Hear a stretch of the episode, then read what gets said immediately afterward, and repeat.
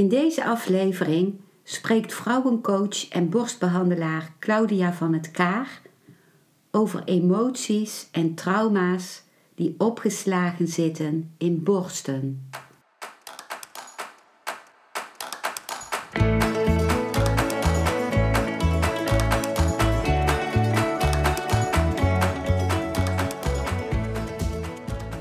Welkom bij een nieuwe aflevering van Modita's podcast Van Pijn naar Zijn. De podcast waarin ik je meeneem voorbij de pijn in je leven naar wie je diep van binnen bent. Hoe kun je beter omgaan met je gevoelens? Hoe vind je rust in je hoofd? Wat zit er precies achter je pijn?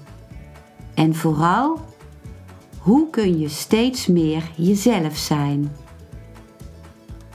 Adem eens diep in en uit. Ik wens je veel luisterplezier.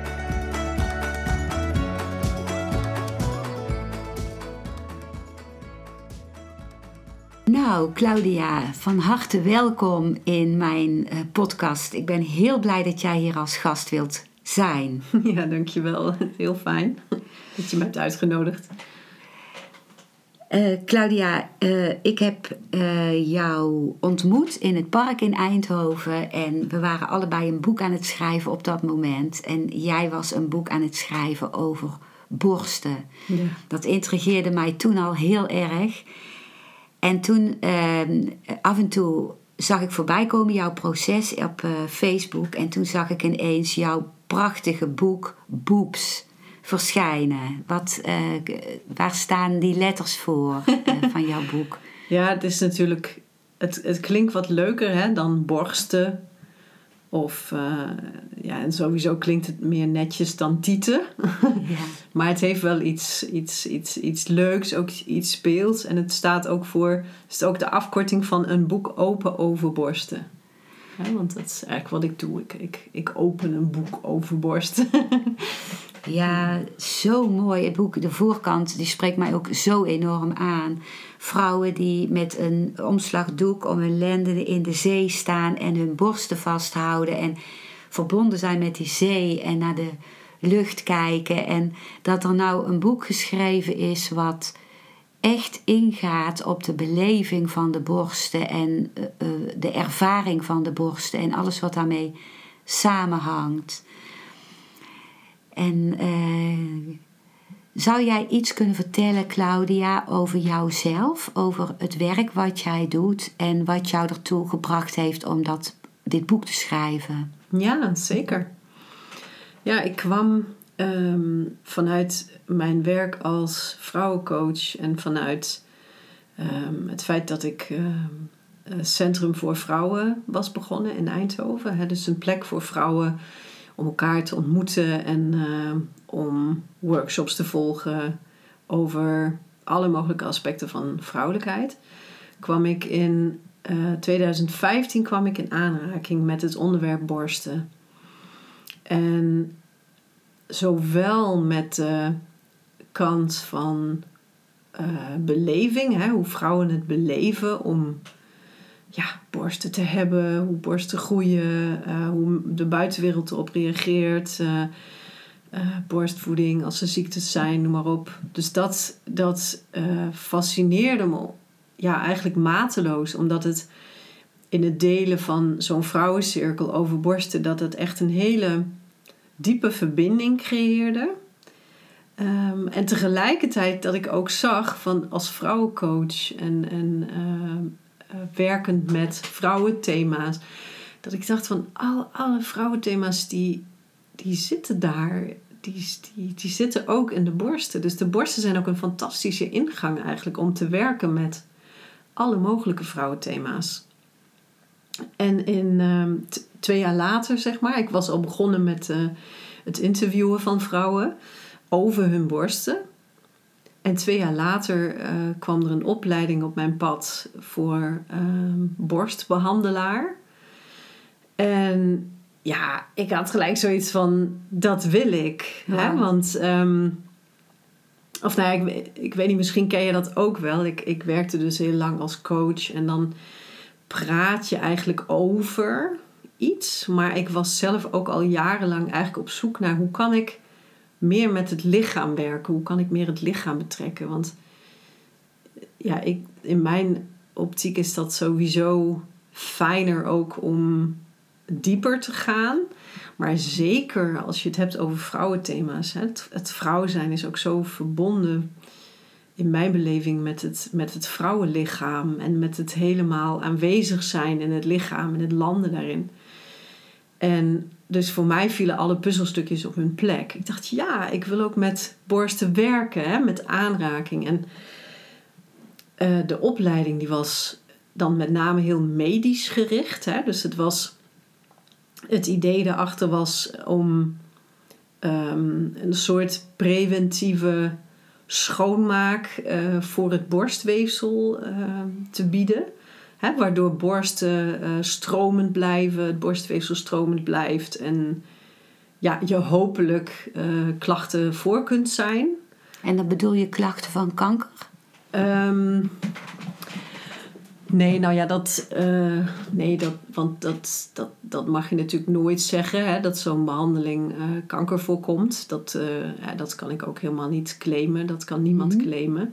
Maar um, wat wel echt uit de praktijk aantoonbaar blijkt, is dat bijvoorbeeld vrouwen met pijn, hè, pijn in de borsten, dat die echt na een aantal behandelingen veel minder last hebben daarvan. Dus uh, bepaalde klachten die kunnen echt gewoon daardoor verminderen. Mm, wat mooi. Ja, dat is echt prachtig. En um, toen ik dus begon die uh, behandelingen aan te bieden in mijn praktijk, toen gebeurden er hele andere dingen dan wat ik had verwacht of geleerd. Um, toen toen kwamen er dus bij de, bij de, bij de vrouw op de, die dan op de tafel lag, eh, kwamen er ineens bijvoorbeeld herinneringen omhoog aan situaties of aan momenten die ze uh, mee had gemaakt, waar iets, waar iets was gebeurd rondom die borsten, of het groeien ervan, of borstvoeding die niet goed werkte, of um, ongewenste aanrakingen, of een medische ingreep, uh, noem maar op. Of ja, iets wat te maken had met relaties, met mensen die dicht bij haar stonden. Ehm, en, en door die aanraking werden, die, werden ook die herinneringen aangeraakt, als het ware. Of kwamen die in het bewustzijn van die vrouw. En, en ehm, soms ging dat ook gepaard, bijvoorbeeld met pijn. Hè? Dus dan kon ik bijvoorbeeld een plekje vinden waar, waar spanning zat of een beetje een verharding. dus dan, uh, vrouwen hebben ook uh, soms verhardingen in hun borsten. En dat heeft helemaal niks met kanker te maken, maar gewoon met het borstweefsel, uh, hoe dat in elkaar zit. En soms kan je dus ook voelen hoe zo'n verharding ook echt wegsmelt hè, onder zo'n behandeling. En dan voelde ik zo'n zo'n hard plekje en dan bleef ik daar met mijn aandacht. En ik vroeg die vrouw ook om daar met haar aandacht naartoe te gaan. En dan ploep, dan kwam ineens zo'n herinnering op van wauw, ineens zie ik een beeld voor me hoe ik, weet je wel. En, wauw, dus, dus wat die gebeurtenis zat eigenlijk gestold in zo'n hard plekje, samengebald eigenlijk. Zo zie ik het, ja. ja. En ik ik weet niet precies hoe wetenschappelijk dat is. Hè? Van, kijk, we hebben wel natuurlijk in, de, in, de, in het borstweefsel zit uh, een bindweefsel, hè? dus de fascie. Dat is een soort heel uh, dun vliesje wat om alles, om elke structuur in het lichaam heen zit. Als een soort en bescherming en ook communicerend uh, vat eigenlijk. Hè? Omdat ze zeggen de fascie is het internet van het lichaam. Dus dat de informatie als het ware veel uh, sneller via de fascie um, getransporteerd wordt dan via het zenuwstelsel. Maar ja, hoe dat nou exact zit en um, um, ja, dat weet ik niet. Maar in, het is inderdaad een heel mooi beeld. Alsof die herinnering gestold zat of op, opgesloten zat mm. in een plekje in het borstweefsel. Mm. Dat was dus mijn eerste ervaring. Ik dacht van wauw, dit is fantastisch, weet je wel. Dus de, ik had natuurlijk al heel veel gesprekken gevoerd met vrouwen over hun borsten. Ik was dus al begonnen met het schrijven van het, van het boek. Maar ineens kwamen dus die herinneringen en al die, al die thema's, die kwamen dus ineens uit, ja, als het ware uit die borsten vanzelf omhoog. Wauw. Ja. Wat ontzettend kostbaar. Heel kostbaar, ja. En uh, jouw boek heeft, eh, is echt heel veelomvattend. Ja. Het boek Boobs, B-O-O-B-S. en uh, ik vermeld het boek ook in de beschrijving onder deze aflevering. En uh, ook jouw website en jouw naam. Maar we hebben besloten om in het kader van deze podcast het over één deel van je boek te hebben. En Ja. dat is trauma's en emoties in de borsten. Ja. Misschien dat je in het kort eh, even kunt noemen de andere delen van je boek, zodat de luisteraar weet wat er nog meer allemaal in jouw boek staat. Ja, zeker. Ja, ik begin dus eigenlijk in het boek met... eh, het zijn eigenlijk drie grote delen, als je zo wil. Eh, En ik begin eigenlijk met het eh, culturele gedeelte. Dus hoe kijken we in onze westerse cultuur aan tegen borsten... en in het verlengde daarvan natuurlijk ook tegen vrouwen en vrouwenzaken. En wat is daarvan de invloed op vrouwen? Dus dat is, dat is een heel belangrijk deel waar ik achter kwam. eh, eh, wat wat de beeldvorming, hoe horen borsten eruit te zien eh, en, en wat doet het eigenlijk met jou als vrouw als je als je, je borsten niet mooi vindt, hè, bijvoorbeeld. Ehm, dus dat is één belangrijk deel. En dan het tweede grote deel is dus dat waar we het dan nu over gaan hebben, over die emoties hè, en die trauma's die daar als het ware liggen opgesloten. En het derde deel is ehm, het, wat ook belangrijk is, gewoon de basics, de biologische basics van borsten. Hoe, dus eigenlijk meer de fysieke kant. Hoe zit een borst eigenlijk in elkaar? En uh, wat moet je eigenlijk weten over je borsten om daar goed voor te kunnen zorgen? En, uh, ja, en ook wat voor klachten uh, zijn er. Hè? Dus van uh, wat, ik, wat ik al een beetje heb genoemd, pijn of knobbels of tepelkloven. Nou ja, noem maar op. Hè? Mm. Er zijn natuurlijk ook best veel borstklachten. En, um, ja, en wat ook heel veel vrouwen denk ik bezighoudt, in elk geval van onze leeftijd... Van, moet je nou wel of niet naar dat uh, bevolkingsonderzoek borstkanker en, um, en wat, uh, hè, hoe, wat gebeurt er als je gaat? Wat gebeurt er? Stel dat je niet wil gaan, zijn er dan alternatieven of uh, is dat er niet? En dus dat bespreek ik allemaal. Mm. En dat zijn eigenlijk de, ja, zeg maar dus de drie, de mind, hè, dus de, de cultuur, hoe denken we over onze borsten, de de emoties, wat, wat, wat voor gevoelens uh, zitten daar eigenlijk allemaal opgeslagen en het, gewoon het lichamelijke gedeelte. Ja, heel uh, veelomvattend.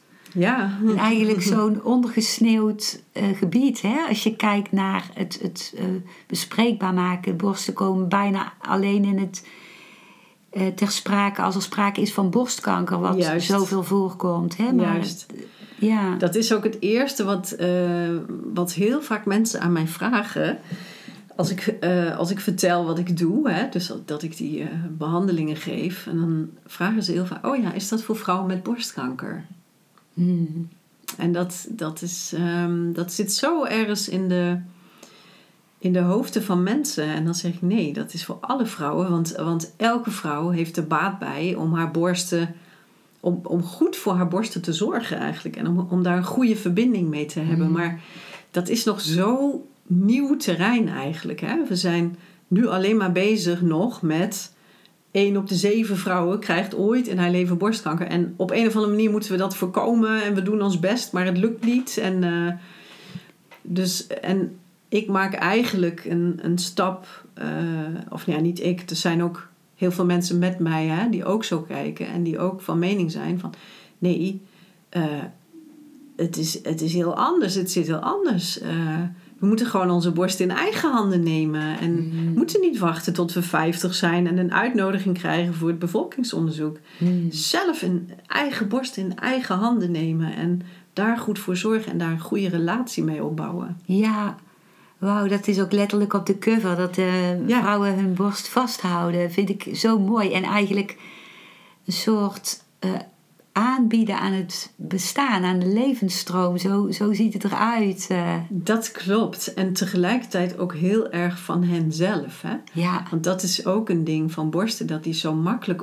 onteigend worden, hè? zeg ik dan. Dus of ze zijn van, eh, van, van baby's, hè? dus voor de moedermelk. Dan zijn ze eigenlijk niet meer van jou als het ware, maar dan zijn ze, eh, staan ze in dienst van je kind. Eh, of, of ze zijn van de arts of van de plastisch chirurg. Of ze zijn van mannen. Mhm. Hè? Want dat is ook een ding wat, wat er... Ja, een heel groot misverstand eigenlijk rondom borsten. Dat dat lokmiddelen zouden zijn voor mannen. Mhm. En dat is natuurlijk de stempel die Desmond Morris eh, op borsten heeft gedrukt. In zijn boek De Naakte Aap hè, schrijft hij dat. Dat eh, eh, toen we rechtop gingen lopen, dat de billen, die dus eerst de lokmiddelen waren voor de mannetjesapen, bij wijze van spreken. Dat, en toen gingen we rechtop lopen, dus toen moest er een ander lokmiddel aan te pas komen. Nou, dat waren dan de borsten, zeg maar. En pats, dan heb je eigenlijk zo'n soort stempel. En, maar dat is toch hoe heel veel vrouwen hun borsten ervaren. Dat, het, ja, dat ze voor anderen zijn, als het ware. Hè? Mooi gezegd. Ja, En, en, en het is juist zo belangrijk dat vrouwen zich die borsten weer toe-eigenen. En daar ligt ook heel veel moois in het verschiet. Ehm, en, en, zeg ik ook eerlijk, in dat proces kunnen er ook pijnlijke dingen omhoog komen. Hè? En daar wilden we het vandaag specifiek over hebben. Ja. Welke trauma's en welke emoties zitten daar? En eh, ehm, daarom vind ik het ook zo mooi, jouw, de titel van jouw podcast, hè? die is van pijn naar zijn. ja, En ehm, nou, sommige vrouwen die genieten al heel erg van hun borsten. En dat is fantastisch natuurlijk. Hè? Dat, is, dat is eigenlijk wat ik elke vrouw wens en elke vrouw gun. Maar bij eh, heel veel vrouwen zit er nog heel veel lading op. En zitten er ook heel veel pijnlijke herinneringen. Ehm, ja, denk maar aan het moment dat je borsten begonnen te groeien en dat daar opmerkingen over kwamen. Of dat, zoals in mijn geval, hè, de borsten niet begonnen te groeien. Dat, dat ehm, nou ja, goed, ik zeg het nu met een lach. Eh, Want ik heb het nu al echt al een paar keer verteld natuurlijk. Hè, in de, in de, helemaal rondom mijn boek en ook in vrouwencirkels heb ik het over gedeeld. Maar ik was de laatste in mijn klas die borsten kreeg. En dat was heel pijnlijk voor me, omdat ik heel graag vrouw wilde zijn en ik wilde erbij horen. Ehm, maar ja, dus ik werd er ook nog mee gepest. Want kinderen zijn natuurlijk heel goed in het vinden van die zwakke plekken en wa- waar het precies pijn doet. En daar, ja, en daar werd ik mee gepest. En dat was, voor mij was dat al een hele pijnlijke herinnering. ja. Ehm,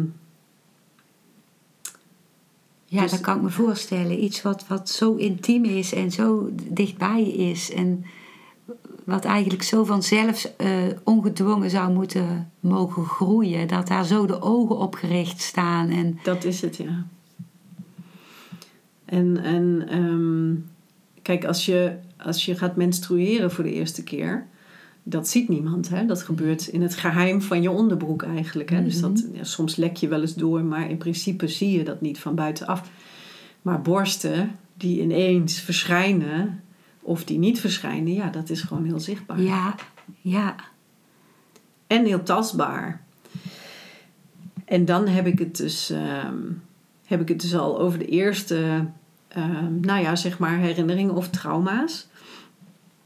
Ik heb dan, nou ja, weet je, er zijn er heel veel, maar ik heb dan in mijn boek heb ik, eh, heb ik er vier gekozen die, die ik gewoon heel vaak tegenkom, ook in mijn praktijk. Mhm. En de eerste is, ehm, dat gaat over aanrakingen die eigenlijk die seksueel bedoeld zijn en die niet prettig zijn, die door de vrouw niet als prettig worden ervaren. En dat heet uh, grijpgrage ja, handen. ja, ik, Dat- ik- ja, dat, is, dat hoofdstuk heb ik zo genoemd, de grijpgrage handen. Ehm, en dat is voor mij nog wat anders dan seksueel misbruik. Seksueel misbruik is dan het volgende onderwerp. Want het, het kan namelijk echt heel goed gebeuren. En het komt volgens mij heel vaak voor dat ehm, vrouwen die in relatie zijn met een man.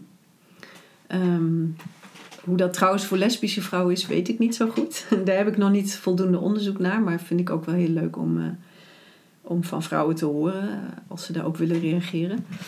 Ehm, maar het kan heel goed zijn dat een vrouw echt een hele gelukkige relatie heeft met een man, maar dat die man toch niet. Dat op een of andere manier in het, in het, in het liefdespel, dat hij niet zo goed die borsten weet aan te raken op een manier die de vrouw fijn vindt. En dat de vrouw bijvoorbeeld dat ook niet goed kan verwoorden. Maar het komt best wel vaak voor eh, op mijn tafel dat een vrouw, als eh, dan haar borsten door mij worden aangeraakt, eh, dat er dan ineens een lichtje gaat branden. Zo van, wow, ik ben nog nooit, mijn borsten zijn nog nooit op die manier aangeraakt. Hè? Want ik heb, ik heb dus helemaal geen seksuele intentie. Hmm. Ik heb ook eigenlijk helemaal geen intentie, be- behalve dan om er eigenlijk te zijn voor, voor die vrouw die dan op mijn tafel ligt en om te kijken wat er, wat er zich aandient. Of hooguit een helende intentie, maar niet, ehm, weet je wel, niet zoiets van. Het is niet voor mij. Ja, En dat, eh, dat ervaren vrouwen echt heel regelmatig. En dan, ja, vaak is dat ook, komen dan ook tranen. En het besef van, wauw, zo kunnen borsten dus ook aangeraakt worden. Weet je wel, zonder, op een gevende manier. En dan komt vaak het besef, oh, wauw, een- mijn man of mijn partner, of vroegere partners, hè, kan ook. Oh ja, die raakte mijn borsten aan om iets te krijgen omdat zij zelf dan opwinding ervaren. Of misschien ook met een hele goede bedoeling. Hè? Om, om, om, om de vrouw op te winden. Maar dan op een of andere manier worden die borsten dan aangeraakt. Ja, toch op een, op een ja, hebberige manier of zo. Hè? Snap je dat? Ja, ik snap het. Ik denk, zou het ook niet kunnen zijn dat heel veel mannen onbewust ook in die borst nog steeds de, de borst van hun moeder zien? Dat de man dan toch nog als kind Mhm. die borst wil hebben om aan te zuigen of om van, op die manier van te krijgen. En ook soms zelfs wel dat daarin een soort agressie naar de moeder eh, Oh, in tot ja. uiting kan komen. Wauw, ja. Ja. Weet je, dat zou echt heel goed kunnen. Hmm. Dat zou heel goed kunnen, maar ik wil niet. ehm, ik wil daar zelf ook niet te veel een stempel op Nee. drukken, hè? snap je? Want ik denk dat heel veel mannen sowieso wel goede bedoelingen hebben Ja. ook. Hè? En ik, er, is, er leeft natuurlijk ook heel erg zoiets van: oh ja, mannen, daar heb je die man weer. En mannen hè, willen alleen maar grote borsten, maar dat wil ik dus vermijden. Want, Ja, daar ben ik het mee eens. Want Ja. ik heb ook mannen gehoord die kleine borsten ook mooi vinden. ja, En ik ben het met jou eens. Ik vind dat eh, de, de vrouwenemancipatie mhm. in die zin te ver is doorgeschoten in Ja. een soort mannenhaat. Waar het juist is om de man te ontmoeten als Precies. gelijkwaardig zijnde. En dat vind ik ook heel mooi dat je dat benadrukt. Ja. De goede bedoeling. Ja, Precies. Ik heb ook eh, op mijn website staat ook, kijk, mijn, mijn bedrijf heet Centrum voor Vrouwen. En eh, ik heb ook erbij geschreven, dit is niet een centrum tegen mannen, weet je. Ja. Het is een centrum voor vrouwen. Ja. Want als vrouwen goed voor zichzelf zorgen, hè, dan, dan krijgen ook de mannen in hun leven ook een eh, ja, veel gelijkwaardigere plek. En, eh, ja. dus ja, dus dat is, eh, Ja. dat is het achtergrondidee. Maar om nog even terug te komen op die, op die grijpgrage handen dan. Ehm, omdat de borsten zo dicht zitten bij het hart, raakt zo'n zo'n hebberige aanraking, hè, wel of niet goed bedoeld, ehm, die raakt ook op een diepe niveau. Die raakt ergens ook het hart. Mhm. Dus daar, eh, ik herinner me nu ineens, komt zo'n herinnering op eh, eh, toen ik een vrouw behandelde en die, ja, die voelde ineens heel veel verdriet om een studiegenoot waar ze dus in haar studietijd nou ja, mee had gevreden en hoe die haar borsten dus aanraakte op zo'n hele hebberige manier. En als het ware zonder haar daarbij te, eh, hoe zeg je het, erbij te nemen of zo. Hè? Dus als het ware alsof die focus alleen maar lag op haar borsten. Oké. En, en, ja, en dat raakt op een dieper niveau. Hmm. Ja, want je stelt je eigenlijk zo open. Ja, En dan komt dat extra hard binnen. ja, Als dat, eh, en tegelijkertijd ben je zo kwetsbaar dat je er misschien niks van durft te zeggen ook. dat is heel vaak het geval. Want dat, en dat hebben, hè, die ervaring hebben ook echt eh, vaker vrouwen gehad dan. eh, bij zo'n behandeling bij mij, dat ze ineens voelen van wow. Ja, ik, ik dacht dat dat toen oké was. Maar eigenlijk, nu ik hier zo lig, hè, dan kan ik eigenlijk voelen dat het eigenlijk niet klopte. Hmm. Dus dat kan zijn hè, dat ze het niet, niet zo goed konden voelen op dat moment. Het kan ook zijn dat ze het heel goed konden voelen. Dat ze voelden van, oh, auw, dit doet zeer. Of eh, je bent te hardhandig. En, maar dat ze het niet konden zeggen. Mhm. Ehm, ik heb ook, eh, heb ik ook laatst een vrouw gehad die, die zei van, ja, mijn, ma- mijn man... eh, en, en daar was ze inmiddels gescheiden van. Die had 30 jaar wist, had hij niet geweten hoe haar borsten aan te raken. En ik zei, maar heb je dat dan niet gezegd? Ze zei, ik heb het elke keer gezegd. En elke keer weer Hmm. was hij te hardhandig. Dus, Hmm. nou, dus daar speelt al, al heel veel eigenlijk op dat Ja. gebied. Ja, En wat ik ook dan ervaar en wat ik, waar, waar, ik, waar ik natuurlijk op hoop, is dat eh, vrouwen door veel meer hun borsten ook te voelen van binnenuit en daar als het ware veel meer aanwezig in te zijn, dat ze ook veel beter kunnen voelen wat klopt nou voor mij en wat klopt niet. Hmm. Hè, welke aanraking wil ik daar eigenlijk? En ja, of wil ik daar nu überhaupt aanraking? En hoe wil ik daar aangeraakt Mm. worden? En om daarover te praten. Dus dat, daar, daar komt een heel proces komt daar eigenlijk op gang. ja, ja. En ehm, dus dat is, de, dat is het eerste. En eh, het tweede, dat, eh, hè, dus dat gaat over seksueel misbruik. En ja, dat gaat ook, helaas gaat dat ook heel vaak over eh, incest. Omdat, ja, dat weten we natuurlijk. ehm, seksueel misbruik, eh, we denken dat gebeurt alleen maar met vreemde, vreemde mannen ergens. eh, en dat gebeurt ook, maar meestal gebeurt het natuurlijk met mensen die dichtbij eh, staan. Mhm. En ehm, kijk, als dat gebeurt op een hele jonge leeftijd, dan zijn de borsten er nog niet. Maar ja, het gebeurt ook heel vaak. Hè, ook in de puberteit. En als die borsten dan beginnen te groeien, ja, dan, dan zit daar al gelijk een lading op. Hè, als het ware van, oh ja, nou word ik ook zichtbaar vrouw, weet je wel. En, Mhm. nou, en wat er eigenlijk gebeurt natuurlijk met seksueel misbruik, is dat iemand zich het lichaam van zo'n jong meisje gewoon toe-eigent. Hè? Dus dat is, een, Mhm.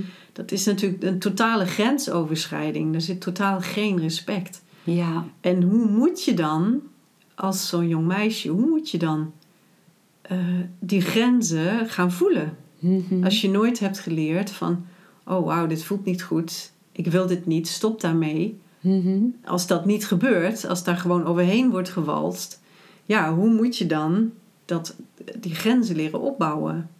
ja.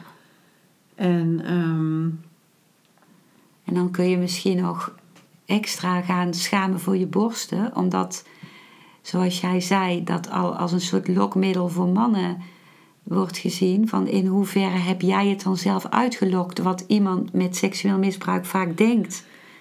precies, dat is, dat is dat verschrikkelijke hè, van die Ja. schaamte. Want wat er dan eigenlijk gebeurt, is dat zo'n meisje zich heel erg gaat schamen. Mhm. Maar schaamte, dat weten we natuurlijk ook inmiddels, is natuurlijk een, een oplossing van je, van je emotionele ehm, afweersysteem. Mhm. Om niet de pijn te hoeven voelen dat iemand die zo dichtbij je staat en die eigenlijk voor je hoort te zorgen en die je eigenlijk hoort te respecteren, dat niet heeft gedaan. Ja. Want die pijn, als je dat toe zou laten, dat is eigenlijk zo erg. En, en eh, om, dat niet, om die pijn niet te hoeven voelen, komt dus die schaamte. Maar die schaamte zorgt er tegelijkertijd ook voor dat zo'n meisje daar niet over durft te praten. Mhm. En dat is natuurlijk, ja, dat is natuurlijk het verschrikkelijke daarvan. Hè? Van dat, Ja. het, dat het daardoor dan gewoon door kan gaan. En eh, ja, Ja. Dus dat, ja, dat onderwerp raakt het ook. En dat hoeft helemaal niet. ehm, het, het kunnen ook echt. Het kan iets zijn wat heel klein lijkt. Hè? Ik heb voor mijn eh, tweede boek, wat dus later dit jaar uitkomt, eh, verzameling van interviews. Ehm, maar dat stuk staat ook in Boobs. eh, vertelde een vrouw dat ze toen ze eh, borstjes kreeg, dat haar oom, ze had een blinde oom, en eh, daar stond ze op een gegeven moment mee alleen in de keuken. En die blinde oom, die, die, die betastte dus haar borsten. En die gaf haar daarna een geldstuk, als het ware. Alsof zo van, nou, nou, nou heb ik je borsten even gevoeld. Nou, hier geldstuk, nu is het klaar. En ze zei dus, eh, toen ze erover vertelde, toen zei ze van, op dat moment heeft mijn oom mijn borsten van mij afgenomen. Hmm. En dat, weet je, dat is me zo bijgebleven. Dat hij heeft die borsten afgenomen. Dus ze heeft echt, ja, eh, eigenlijk een heel groot deel van haar leven heeft ze helemaal niet ervan kunnen genieten. Ja, hij heeft zelfs het ware gekocht eigenlijk. Hè? Hij heeft er, ja, Ja. ja, ja, inderdaad. Zo had ik het nog niet eens gezien. Maar, Hmm. Maar ook, zeg maar, ook al had hij haar geen geld gegeven, weet je, ook al had hij alleen maar zijn handen erop gelegd. eh, ja, Ja. dan was het hetzelfde effect. Maar inderdaad, ja, heeft ze gekocht als het ware. En ze heeft dus daar nooit plezier aan beleefd. En, ze heeft, en, en mannen mochten ze ook niet aanraken. En eh, uiteindelijk heeft zij... ehm, ze is ook bij mij geweest. Maar ze had daarvoor al... Had, eh, had ze in een meer tantrische setting... Had een vrouw ook haar borsten aangeraakt op een helende manier. En vanaf dat moment was het voor haar daadwerkelijk geheeld. Dus daar heb je ook weer zeg maar, die, die, die helende aanraking of die gevende aanraking, die iets, Wauw. ja, die iets heeft geheeld. Wat mooi. Je zei ook dat die trauma's opgeslagen zitten in je borsten. Ja. En dat ze dan dat opgeslagene de borst kan verlaten en iets nieuws er, eh, daarmee gekoppeld kan worden of zo. Dat Ja. er- ja. Nou ja, wat ik, kijk, het, is natuurlijk, het blijft natuurlijk raadselachtig. Hoe kan zo'n herinnering opgeslagen worden in een Mm. borst? Hè? Maar ehm, wat je je misschien wel kan voorstellen. Kijk maar naar al die jonge meiden hè, die borsten krijgen. Wat gaan die doen? De meeste ervan, hè, die gaan niet zo, eh, zeg maar, borst vooruit en hé, hey, kijk eens, ik ben trots, ik krijg borstjes. Nee, precies. Die gaan met, eh, die gaan voorovergebogen lopen, hè, die schouders gaan naar voren. Want het is een soort beschermende beweging eigenlijk. Hè? Zo van, ik, ik wil eigenlijk helemaal niet dat de wereld eh, zo naar mijn borsten kijkt. Hmm. En wat je je kan voorstellen misschien is dat als je continu zo loopt, dat er altijd iets is van spanning in je schoudergebied en, en in dat borstgebied. En dat die spanning, dat dat iets doet met je. Ja. Dat iets doet met je lichaam. Wauw. Ja, Ja. En dat ook als je trots bent, dat je dan juist eh, ook je borst eh, naar voren doet. Dus dat Ja. dat ook te maken heeft met. Nu laat ik me zien. ja, Ja, maar dat is inderdaad. Ja, ik herken dat ook wel. Van dat helemaal eh, intrekken als het ware. Om die voorkant te beschermen. precies. Ja, Precies. Want het is namelijk zo gevoelig. ja, En iedereen heeft er een mening over en iedereen kijkt ernaar en iedereen, eh, hè, of ja, niet iedereen misschien, maar wel, wel veel mensen ja, eh, willen daar iets mee of, Ja. of hebben daar iets mee Ja. of eh, vinden er iets van. ja. En ook heel vaak door de ogen gezien van de man. precies. Wat zou de man ervan vinden? Ja. En je zei ook een, een deel van dat hoofdstuk eh, Mhm. is ook eh, over trauma's en emoties in de borst is, zijn de borstvoedingstrauma's. Trauma's, ja. En ik zei meteen eh, tepelkloven, maar jij zei nee, het is nog veel meer. Het is veel meer, ja. Ja, dat, dat, was, dat was een hele bijzondere ontdekking die ik heb gedaan. Naarmate er steeds meer vrouwen kwamen voor behandelingen. En ehm, ik, heb, nou ja, ik heb ook altijd een intakeformulier en dan vraag ik ook naar klachten. En zeg maar, geen enkele vrouw gaf aan van dat ze eh, ja, nog zeg maar nare herinneringen hadden aan de tijd van borstvoeding of dat het niet had gewerkt of wat dan ook. Maar ik kwam er wel achter dat ze bijvoorbeeld als ze pijnklachten hadden of wat dan ook, dat er dan in de behandelingen dus omhoog kwam dat eh, de borstvoeding bijvoorbeeld niet op gang was gekomen. Of dat dat een hele moeilijke beladen tijd was geweest, omdat er eh, bijvoorbeeld een partner was die, eh, waar eigenlijk de vrouw voor wilde zorgen. Maar ja, dan was er ook dat kindje en ze kon het niet en ze voelde zich alleen gelaten. Of, ehm, of het was heel pijnlijk. Hè? Bijvoorbeeld een vrouw die zei van ja, die stuwing, dat voelde alsof er messen in mijn borsten staken. Hè? En vrouwen die dat, die dat hebben gehad, ja, die stuwing, ja, als die op gang komt hè, van, die, van, die, van die melkproductie, dan, uh, wow, dan staan je borsten ook echt heel strak. En uh, dat kan ook echt heel pijnlijk zijn. Hè? Dus soms dan moet, je echt, dan moet je echt de borst geven aan je kind of je afkolven, omdat die spanning anders zo, zo groot is. Maar ook um, tepelkloven is natuurlijk wel een deel, hè? dus dat had je ook al. Maar hoeveel vrouwen, dat ontdekte ik dus in mijn praktijk, hoe hoeveel vrouwen daar uh, ontzettend veel problemen mee hebben gehad in die periode. Ja. Wat eigenlijk nooit is onderkend, of waar de vrouw eigenlijk nooit echt verdrietig om heeft kunnen zijn. Gewoon omdat ze iets had van ja, uh, nou ja, zo was het nou eenmaal en het is nou eenmaal niet gelukt. Ja.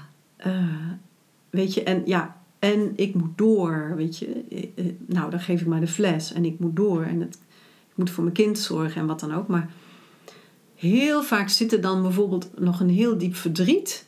Hmm. Hè? Bijvoorbeeld dat de vrouwen die maar een week borstvoeding hebben kunnen geven. En omdat het kindje niet genoeg groeide of zo, dat er dan uh, ook werd bijgevoed. En uh, ja, dat daardoor de borstvoeding stopte. Of of, of bijvoorbeeld door tepelkloven en dat de vrouw zulke pijn had dat ze het gewoon niet meer kon opbrengen. Mm. En de hoeveelheid vrouwen, je wil niet weten hoeveel vrouwen met tepelkloven en borstontstekingen, wat echt ontzettend naar en pijnlijk is, hè, die dan toch nog doorgaan op wilskracht. Hè? Omdat ze zo die drive van "Oh, ik moet zorgen voor dat kind en borstvoeding is het beste voor mijn kind. Dus ik moet dit doen. Maar waar ze eigenlijk volledig voorbij gaan aan hoe ontzettend pijnlijk dat is voor hen. En ja, die, zeg maar, die, die gewaarwording, hè, die komt vaak pas op, als ze op de tafel liggen. Ja. Van, omdat ik heb dat, er, er was één behandeling, daar, daar is het mijzelf ook zo duidelijk geworden dat de, dat de vrouw ehm, een beeld kreeg van een soort ijzeren klauw of zo'n tijgerklauw of iets, hè, die, die die borst eh, eh, vasthield. En, ehm, nou, en toen kwam die associatie bij mij hè, met borstvoeding. En toen zei ze: Oh ja, ja, ja, dat was heel vervelend, maar ja, dat heb ik ook graag gedaan. Hmm. Weet je? Dat. Ja. En dat eigenlijk, en, en dat is hoe we vaak er overheen stappen, Ja. eigenlijk, hoe, wat er gebeurt. En toen ik, eh, toen ik zag hoe vaak dat eigenlijk voorkomt bij vrouwen die, die borstvoeding hebben gegeven, toen ben ik dat borstvoedingstrauma's gaan Ja. noemen. Ik snap het. Dat dat echt ook, ook hoort ook wel in onze maatschappij van maar doorgaan. En, Ja. en, ja, en ik vond ook heel mooi wat je noemde. ehm, wat er naar de partner toe gebeurde. Omdat het vaak eh, voor de partner heel confronterend ook is. Dat er als er een kind komt, wat dat betekent voor de relatie. Dat alle aandacht van de vrouw Ja. die doet inderdaad ook nog die borstvoeding, wat heel veel tijd in beslag gaat nemen en ook intimiteit. Zeker. Gaat ineens naar het kind en Ja. niet meer naar hem. Ja. En de vrouw die zit dan ook met die borst in een split van en aan het kind willen geven en zien dat de man eronder lijdt dat die borst nu niet voor, eh, met Voor hem, is. verbonden is. Ja, Ja, ja. ja, en sommige mannen, hè, je hebt ook best wel mannen die bezitterig zijn eh, over de borsten van hun vrouwen. Ik heb ook wel eens vrouwen die in mijn praktijk komen die zeggen: Goh, mijn man vond het wel heel moeilijk dat ik hier naartoe kwam, weet je wel. Dus die, Hmm. dat mannen dan als het ware echt zich die borst ook echt zo ja, toe-eigenen. ja. Maar inderdaad, eh, en dat beeld wat je net schetste, dat geeft eigenlijk ook weer zo mooi weer. Die vrouw die helemaal in een split zit van ja shit, nou zijn de borsten eigenlijk van mijn baby. Maar ja, mijn man wil ze ook. Maar eigenlijk zijn die borsten van haar. ja, Ja. ja, daar heb je het weer. ja. Eh, maar goed, dus dat zijn, dat zijn dan de borstvoedingstrauma's. En ik kan me voorstellen ook wel hoor, dat het voor een man ook een hele confrontatie is. Dat je Zeker. ziet, eh, zodat hij dat ook fysiek zoveel van de band naar de relatie moeder-kind gaat. En dat je dan echt op een ander eh, plan even komt te staan. eh. Ja, dat Ja. klopt. Ik heb ook eh, met vrouwen gesproken die, ehm, die daar helemaal geen moeite mee hadden. Die ook, ook in de borstvoedingstijd ook ehm, hele goede seks hadden met hun partner. En die helemaal geen moeite hadden dat die borst dan ineens weer een seksuele functie had. Hè? Dus dat heb je ook. Maar je hebt ook echt vrouwen die zoiets hebben van... nee, nou, nou zijn de borsten even van ons kindje. Hmm. En het is zelfs zo dat er een, eh, een liedje over is gemaakt van een eh, groep. Ehm, die groep heet Sparks. Ik ken, ik ken die groep verder niet, maar ik ben op een gegeven moment ben ik allemaal liedjes gaan opzoeken die gaan over borsten. dat vond ik echt heel leuk. Was ik echt drie dagen mee bezig.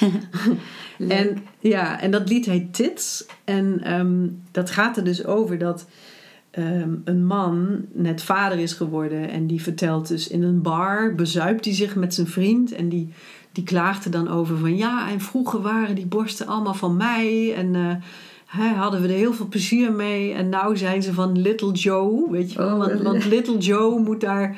Die moet er nu op groeien en alles. En, eh, en, en hoe verdrietig die daar dan over is. En dat hij daar helemaal niet eh, mee om kan gaan. Dus Oh, dat is- mooi. ja. Ook zo eerlijk. En Ja, ook, zo eerlijk. kostbaar dat dat lied dan ook gekomen is. Ja, dat is heel Oh. mooi inderdaad. Ja, en dan heb je dus nog eh, als laatste, wat ik dan in mijn boek beschrijf, zijn de medische trauma's. En ehm, ja, dan, eh, kijk, natuurlijk borstkanker, hè, dat is echt enorm traumatisch. Maar da- daar hoeft het niet eens over te gaan. Hè. Het kunnen Mhm. het kunnen eh, hele, nou ja, wat is klein, kleine dingen zijn zoals ehm, je hebt dat bevolkingsonderzoek en dat, Ja. hè, dat wordt dus gedaan eh, door middel van een mammografie, een, een röntgenapparaat. En eh, dat zijn dus twee platen. En daar worden die borsten tussen plat gedrukt. En dan gaat er röntgenstraling doorheen. En dat platdrukken, daar, daar zijn vrouwen die vinden dat helemaal niet erg. Ehm, en voor hen is dat niet pijnlijk op de een of andere manier. Maar ja, de meeste vrouwen toch die ik spreek, die hebben daar echt trauma's aan overgehouden. Echt trauma's. En wat ik dan hoor, bijvoorbeeld de verhalen, ik heb het zelf nog niet gedaan. Maar wat ik dan hoor, de verhalen zijn, ehm, ja, en dan draaiden ze die platen steeds vaster. Hè? Dus die, die Ja. mama-verpleegkundige, die, die, want die borsten, eigenlijk hoe platter die zijn, hoe beter, eh, hoe beter het overzicht is wat je hebt. Ehm, en dan draaiden ze die platen aan en dan, en dan deed het zo zeer en dan zei ik stop. En dan zei ze van ja, het moet nog even een paar centimeter meer, weet je wel. En, dat, en je gaat daar dus ook heen als vrouw met het idee van, nou ja, weet je, als het pijn doet, dan zeg ik stop en dan stopt ze. Maar dat dat dan bijvoorbeeld niet gebeurt. Ja, ja. En ehm, ja, dat zijn. Dan kan je zeggen, ja, dat is zoiets kleins, dat duurt maar twee minuten. En daarna vergeet je het weer.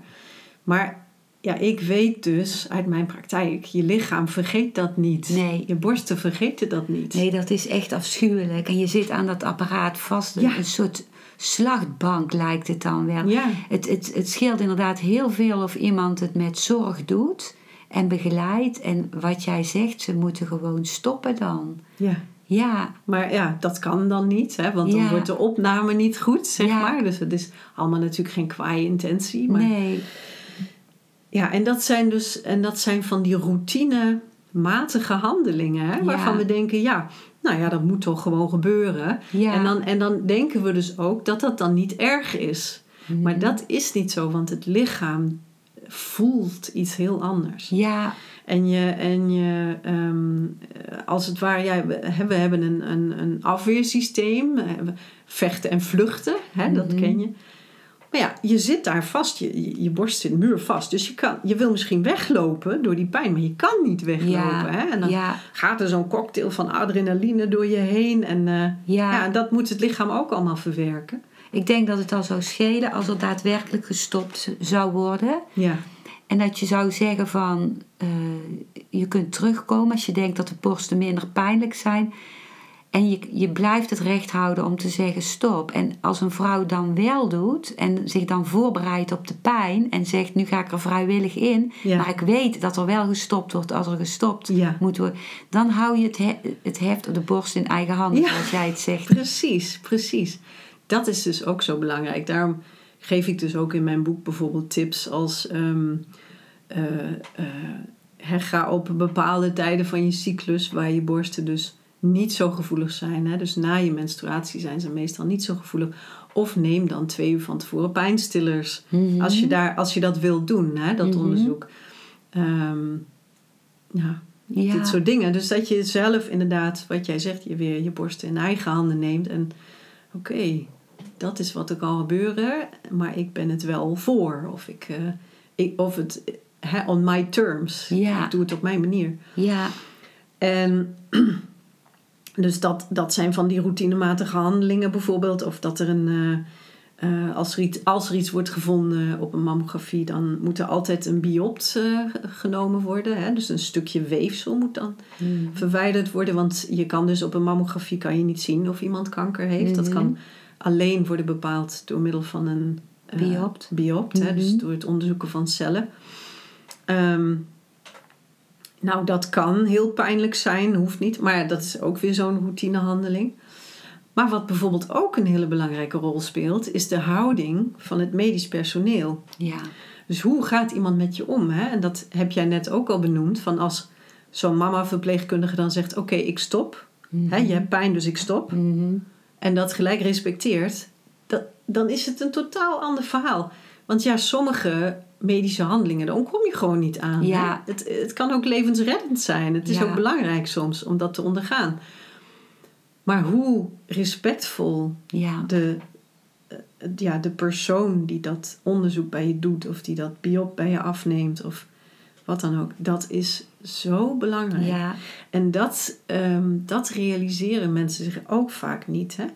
En ik, ik, ik heb bijvoorbeeld, eh, ik, ik moet bijvoorbeeld denken aan eh, ehm, een vrouw die vertelde, en dat heb ik trouwens vaker gehoord, dat verhaal van. ehm, nou ja, ik lag op de tafel, ik kreeg een echo van mijn borsten, hè, dus dat is dan wel pijnloos onderzoek, maar. En dan, en dan vonden ze iets. En toen zat er ineens een naald in mijn borst. Hè? Dus dan, dat ze dan bijvoorbeeld een biop nemen zonder dat aan te kondigen. Ineens zat er een naald in mijn borst, weet je wel. Dus ik, is ook een verkrachting. het is eigenlijk een verkrachting. Het is eigenlijk een, een, een, een niet respecteren van, de lichaamsgrens. van de lichaamsgrens, Ja. van, de, van de integriteit van iemand. En ehm, ik, ik- soms denk ik ook van, hoe zit dat nou? Hè? Want ik wil ook niet een, ehm, van medisch personeel een boeman maken. Hè? Nee. Absoluut niet. Nee. Maar ik, ik heb daar ook over nagedacht. En ik, ik denk, waarom is dat? Hè? Ik kan me ook voorstellen dat het ook bijvoorbeeld moeilijk kan zijn voor zo'n arts of zo, die dan de boodschap moet geven: ja, mevrouw, u heeft borstkanker. Dat zo iemand zich ook op een bepaalde manier emotioneel een beetje moet afsluiten. Omdat als je elke keer die pijn voelt, ook van die, van die patiënten, dat het je dan te veel wordt of zo. Hè? Dus dan, Ja, ik kan, er, ik kan wel iets zeggen van mijn eigen ervaring, eh, van mijn artsenstudie. ja, Dat ik me dat ook later ben gaan denken van... eh, tegen mij werd bijvoorbeeld vaak gezegd eh, van... eh, als ik iets op een gevoeligere manier deed... van je zou niet zeggen dat jij een arts was. En dat vond ik dan eigenlijk zo erg dat er van artsen zo gezegd Zo werd werd, gedacht. gedacht werd van die zijn hard. Maar toen ben ik later gaan denken van hoe komt dat eigenlijk? En dat ik, ik denk dat nu de medische opleiding heel anders is, hoop ik. Maar in mijn tijd was het zo, er werd helemaal niet aan je geleerd hoe je iemand aan moest raken. Er Ja. werd niet op ingegaan. Hoe is dat voor jou? Om bijvoorbeeld als 18-jarige tegen iemand te zeggen van eh, eh, trekt u al uw kleren maar uit. Alleen de onderbroek aanhouden of soms ook niet eens de onderbroek aanhouden. Wat, wat doet dat met jou? Het enige was dat je een hele grote syllabus kreeg. Dat als je iemand op een ongepaste manier aanraakte, dat je dan voor het medisch tuchtcollege zou verschijnen Oh, ja. en je, je, je hele eh, beroep eh, zou verliezen. Dus je werd eigenlijk alleen maar bang gemaakt om iemand aan te raken. Jeetje. En ik denk bij iedereen doet het iets om, om al een bekende, maar zeker een vreemde aan te raken. Want daar zitten ook dingen bij eh, van seksualiteit bijvoorbeeld. Tuurlijk. En van intimiteit en van. Eh, of of de, ook angst van als je hele heftige dingen ziet van ziektes. Dat doet ook iets met jou als je dat aan gaat raken. Zeker. En, maar door, die, door, door het, de onkunde, het, eh, helemaal niet op jou inge- ingegaan zijn, word je eigenlijk alleen nog maar een robot. Precies, Die iemand oh, alleen nog maar functioneel aanraakt. En Oh. dat wordt als heel pijnlijk door de ander ervaren. Ja, absoluut. En het is ook zo dat het eh, elke arts, ik denk dat heel veel artsen en ehm, hulpverleners, ook verpleegkundigen, therapeuten, dat beroep hebben gekozen omdat ze alsnog iemand uit hun eigen familiesysteem willen redden. Dus daar zitten ook allerlei traumatische dingen van het eigen leven in, Ah, die ook omhoog komen bij zo'n. Als iemand roept auw, Ja. dan roept misschien iemand uit jouw familiesysteem auw. En daar wil je niet naartoe, want dat heb je niet geleerd. Of jij moet er zijn voor die ander. En dan ga je alleen maar functioneel eh, Ja. iemand benaderen. Ja. Ik denk dat het alles te maken heeft met ook contact maken met, met zichzelf. Van de medicus of de paramedicus. Of, Dat Ja. denk ik ook. Ik heb, eh, dat ga ik misschien aan het eind nog even vertellen, maar ik heb dus ook een, een mooi online programma gemaakt. Hè? En met de, een Ja. van die onderdelen van het online programma is, ehm, eh, dat zijn de, de borstendialogen. En daar heb ik dus eh, vrouwen geïnterviewd over hun borsten. En één vrouw eh, is arts.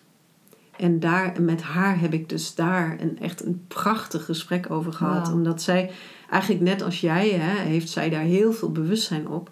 Dat de manier waarop zij mensen aanraakt en hoe zij met haar patiënten communiceert, dat dat zo'n wereld van verschil maakt. Ja, en dat, oh, ik, ik, echt, ik had met haar uren nog verder kunnen praten. Eh, ja. Want zou je daar iets over willen vertellen over die, die cursus die je geeft? Ja, zeker, zeker. Ehm, dus ik heb, eh, ik was dat boek aan het schrijven, uh, Boeps. En toen kwam ik in aanraking twee jaar geleden met uh, Reinoud Eleveld. De, de man die uh, Vallei-orgasme onder andere heeft opgericht. En um, dus dat is een, een training eigenlijk over hoe je je seksuele energie kunt gebruiken om gezonder en vitaler te worden. En, en door je dat helemaal toe te eigenen. Dus niet met anderen, maar jij alleen maar voor jezelf. En um, wij raakten aan de praat. En wat doe jij? Ja, ik schrijf een boek over borsten. En hij was helemaal geïnteresseerd. En, want dat, dat wist ik toen niet. Maar hij wilde al heel lang iets doen met bewustwording over borsten omdat hij zeg maar, vanuit de Taoïstische uh, traditie weet hoe belangrijk borsten zijn. Mm-hmm. En daar hebben we het nu nog helemaal niet over gehad. Hè. Daar heb ik het wel ook heel erg over in uh, Beroeps. Um, vanuit de Chinese filosofie is er ook heel veel, heel veel wijsheid en heel veel, um, een veel meer holistische kijk op borsten uh, dan zeg maar in onze westerse medische wereld.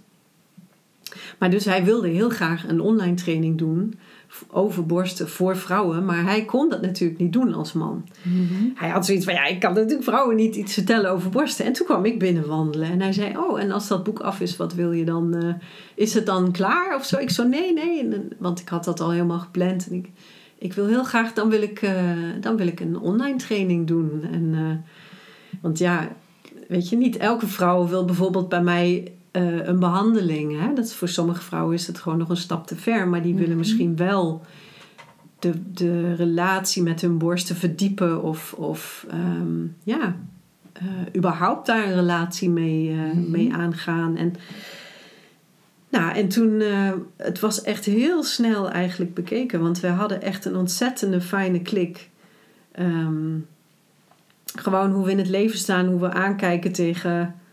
Ja, eh, vrouwelijkheid, seksualiteit eh, en, en die hele Vallei-orgasme, dat is echt een ontzettend vrouwvriendelijke organisatie. Hè? Dus dat Ja. is echt, gaat er echt vanuit van, de, van, het, van, van hoe vrouwen zichzelf kunnen empoweren. Nou ja, dat is helemaal mijn ding. Hè? Daar, ja, daar, daar ben ik ooit eh, voor begonnen met Centrum voor Vrouwen. En, Ja. eh, ja, dat is, dat is ja, denk ik ook wat ik, wat ik hier te doen heb.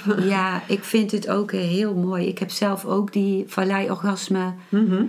cursus gedaan. En die is zo zorgvuldig begeleid. Ja. Inderdaad, helemaal alleen met jezelf. Ja. En ik heb in het begin gewoon gehuild. Omdat ik dacht, wat had ik graag gewild in de puberteit.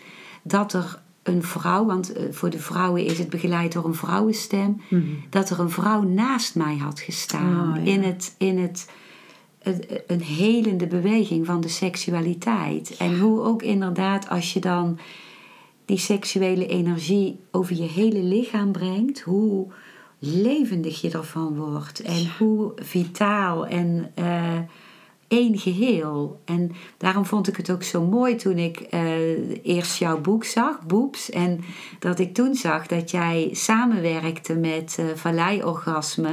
Toen dacht ik, hoe mooi is dat? Hè? Als, als het, het, het vaginale deel en de borsten samen binnen één geheel vallen. Binnen één eh, zo zorgvuldige Taoïstische organisatie. Ja, mooi. Ja. en dat is het ook, weet je. Ja, En die, kijk, in principe, de trainingen staan los van elkaar. Hè? Ja. Dus als je bijvoorbeeld interesse hebt in de, in de, in de in boobs, hè, in de online training, je moet niet vallei trainen ook. Hè? Mm. En als je vallei traint, dan moet je niet. eh, Ook, het is niet ja. een moeten of Nee. zo. Hè? Het is vrij, maar het vult elkaar wel enorm aan. ja, Dat, dat heb ik wel gemerkt. En hoe ik het zelf zie is... eh, je hebt eigenlijk eh, die drie krachtcentra in het lichaam. Hè? Dus je hoofd, je denken, Mhm. eh, je bekken. En daartussenin heb je eigenlijk je hart. En daar liggen de borsten. En als er heel veel in dit gebied van die borsten en van het hart... als er heel veel spanningen zitten... Hè? dus om dat beeld weer even terug te pakken... van al, al die dingen die op borsten afkomen... en waarvoor, die, waarvoor je eigenlijk je borsten alleen maar wilt beschermen... Mhm. Ehm, dan kan het dus niet zo goed doorstromen hè, tussen je hoofd en je bekken.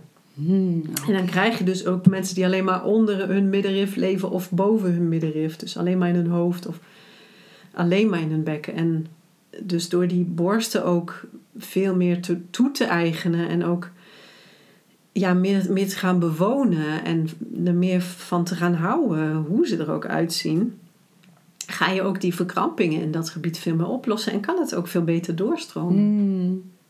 Mooi hoor. Ja.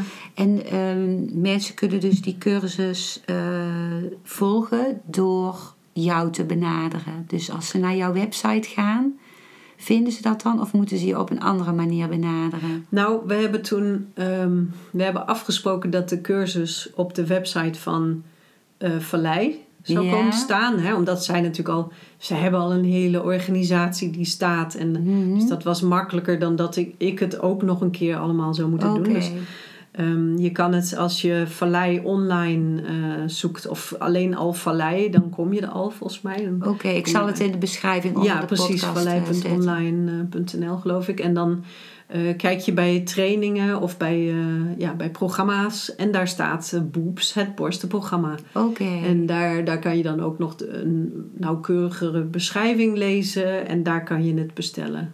Oké. En het is wel zo dat als mensen het via mij bestellen, dan krijgen ze een kortingscode.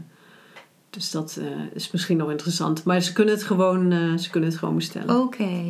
En de behandelingen die jij zelf geeft, die zijn in Eindhoven. Ja, Ja. klopt. Die zijn in Eindhoven. Eh, in, ik heb een praktijk dus in Stratum op het Gerardusplein. En, Mhm. ehm, maar ik ben ook, ehm, dat heb ik in het verleden ook al gedaan. Soms zijn er eh, vrouwengroepen en eh, weet ik veel, in Groningen of zo. Hè? Ik zeg maar Oké. wat. En, eh, en, en, en zes vrouwen die willen echt heel graag een behandeling bij mij. En die willen ook, weet ik veel, iets over mijn boek horen of zo. Weet je. En dan kan, ze kunnen mij ook boeken als het ware. Hè? Dan doe ik de Nederland Tour of de België Tour of wat Oké, dan ook. En, wat mooi. ja. Nou, Ik vond het echt heel waardevol, eh, Claudia, wat je hebt verteld. En je zou wel uren kunnen vertellen. Zeker. Omdat er, we hebben nou maar een heel klein gedeelte van uh, uit jouw boek en uit jouw ervaring besproken. Dus ik verwijs ook naar het boek en naar de Mhm. website uh, van jou. En als mensen nog meer informatie willen, kunnen ze altijd uh, bij jou terecht. Zeker. En nou ik ben heel blij dat jij te gast wilde zijn in mijn podcast, omdat het ook echt een onderwerp wat thuis, is wat thuis hoort in van pijn naar zijn. Ja, precies. ja, dankjewel voor de uitnodiging. Dankjewel voor het luisteren naar deze aflevering. Ik hoop dat hij je een nieuw inzicht of perspectief heeft gegeven. Ik hou van interactie. Dus als je iets wilt delen, stuur me dan een mailtje op info.genietenvanmeditatie.nl. Ik geef je dan altijd antwoord. Ik wens jou dat je vreugde in het dagelijks leven zult ervaren en innerlijke rust. En dat je steeds meer je pijn zult kunnen omvormen in zijn. Je kunt de afleveringen van deze podcast volgen via Spotify, Google Podcast, Apple Podcast en Podbean door op de volg- of abonneerknop te klikken. Als je luistert via de Apple Podcast, dat kan alleen als je een iPhone hebt, heb je een extra voordeel, omdat als je op de knop abonneren klikt, je steeds een berichtje op je mobiele telefoon ontvangt als er weer een volgende aflevering van mijn podcast verschijnt. Je bent van harte welkom bij die volgende aflevering.